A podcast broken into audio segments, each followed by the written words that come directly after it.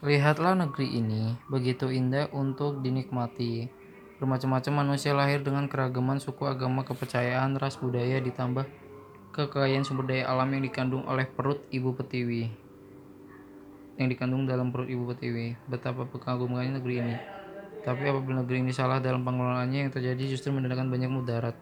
Korupsi malah terjadi, perebutan kekuasaan sumber daya alam dikeruk oleh asing, ketimpangan terjadi begitu ekstrim, sedangkan masyarakatnya dibiarkan untuk saling berkonflik di dunia nyata untuk dan maya. Tak hanya itu, bangsa ini menghadapi berbagai macam dera dan cobaan. Setidaknya terdapat tiga masalah pokok bangsa ini, ancaman terhadap wibawa bangsa. Hal ini ditunjukkan oleh masuknya berbagai kepentingan asing ke Indonesia.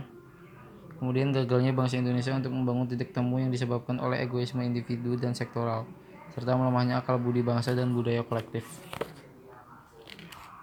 yang ditunjukkan oleh minimnya rasa empati, gotong royong, dan saling serang.